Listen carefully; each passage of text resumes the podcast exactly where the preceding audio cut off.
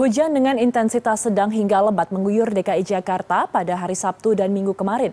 Berdasarkan data dari Badan Penanggulangan Bencana Daerah BPBD DKI Jakarta per Senin pagi, 24 RT di Jakarta Timur dan Jakarta Selatan masih terendam banjir. Lalu bagaimana penanganan dan antisipasi banjir dari BPBD DKI Jakarta telah bergabung bersama kami Isnawa Aji, Kepala Pelaksana BPBD Provinsi DKI Jakarta. Pak Aji, selamat sore. Terima kasih atas waktunya. Selamat sore Mbak Ayu. Baik. Apa kabar? Baik Pak, Alhamdulillah. Pak Aji, hingga sore hari ini kami ingin konfirmasi berdasarkan data dari BPBD DKI Jakarta ada berapa lokasi yang masih terendam banjir dan di mana saja wilayah yang paling parah Pak? Ya, jadi eh, BPBD DKI Jakarta kan terus memantau ya lokasi-lokasi rawan banjir yang ada di Jakarta. Uh, ada tadi sekitar 18 RT sudah mulai surut jadi sekarang uh, masih ada beberapa lokasi seperti di uh, Pejaten Timur, di darat Cina, Rawajati, ya sebagian uh, di Cipulir. Tetapi berangsur-angsur alhamdulillah sudah mulai surut dan ketinggian juga sudah mulai menurun dari sebelumnya ada sekitar 40 sampai 60 cm sekarang sudah mulai turun di kisaran 20 sampai 25 cm.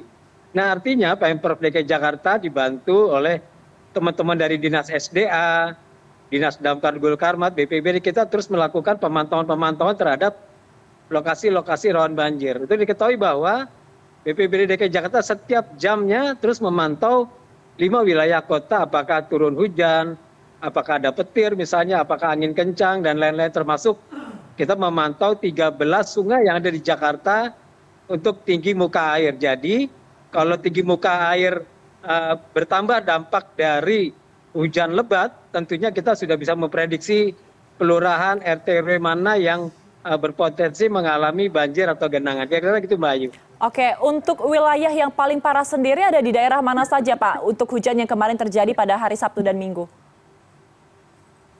Waktu Sabtu dan Minggu uh, itu dampak kenaikan dari uh, kali pesanggerahan misalnya. Kita menemukan ada lokasi yang hampir satu meter di Kembangan Utara. Okay. Kemudian ada beberapa lokasi seperti di rawabuaya kemudian tadi di rawajati pengadegan bidara cina dan lain lain jadi artinya ada beberapa lokasi yang memang umumnya adalah di bantaran kali dan sungai mbak ayu. Baik baik. Uh, Pak Aji, kami ingin mengetahui kalau membicarakan masalah banjir di DKI Jakarta ini kan sepertinya adalah masalah yang berlarut-larut. Setiap tahun selalu terjadi. Dari BPBD DKI Jakarta sendiri tahun ini, apakah ada penanganan khusus Pak untuk mengantisipasinya? Ah, yang pasti begini. Teman kami di dinas sumber daya air kan terus melakukan berbagai ah, upaya upaya memitigasi dan melakukan upaya upaya perbaikan penanganan ah, antisipasi banjir ya. Seperti di dua tahun yang lalu ada konsep 942 9 polder 4 waduk dan dua revitalisasi sungai. Kemudian teman-teman SD juga terus melakukan pengerukan kali sungai waduk danau mm -hmm. melakukan penurapan kemudian dan teman-teman lain juga melakukan misalnya pembebasan lahan lahan terbuka hijau untuk daerah resapan air. Kita juga tahu sudah ada sodetan ciliwung kemudian eh, penataan dua eh, lokasi di hulu di bogor berkaitan dengan waduk eh, ciawi dan sukamahi. Saya rasa pemprov dki jakarta sesuai arahan bapak pj gubernur terus kita melakukan berbagai mitigasi upaya upaya penanggulangan banjir termasuk juga kemarin ada rumah pompa rumah pompa di Sentiong dan beberapa lokasi di Jakarta Utara. Demikian, Mbak. Baik, Pak Aji ini juga banyak ditanyakan oleh masyarakat. Kita flashback sedikit Pak Aji, karena sebelum memasuki musim penghujan, Jakarta ini mengalami El Nino yang cukup panjang.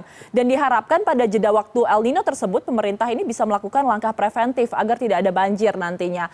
Tapi kalau kita lihat kenyataannya saat ini beberapa wilayah kembali tergenang banjir jika hujan mengguyur dalam beberapa jam saja. Sebenarnya ketika El Nino atau kemarau kema eh, kemarin ini, adakah program atau langkah antisipasi yang khusus diambil oleh pemerintah? Ya jadi begini mbak. Sebetulnya pemprov dki jakarta kami tidak melakukan upaya hanya menjelang musim penghujan.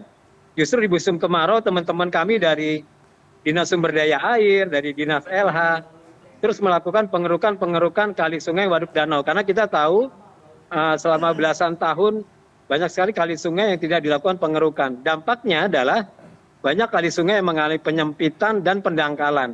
Nah ini terus dilakukan oleh teman teman dari dinas sumber daya air untuk terus melakukan pengerukan kali dan sungai. Nah ini tentunya upaya-upaya yang dilakukan untuk memitigasi, mengurangi dampak banjir menjelang datangnya musim penghujan.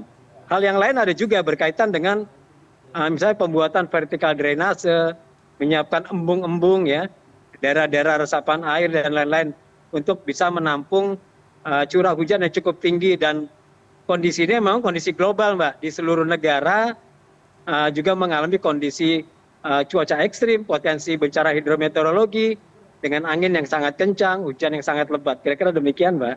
Baik, Pak Aji, kita juga menyoroti salah satu program penanggulangan banjir Pemprov DKI Jakarta adalah adanya sumur resapan. Tapi dengan banyaknya genangan yang terjadi kemarin, efektivitasnya bagaimana Pak? Karena ini secara anggaran juga cukup menguras cukup besar.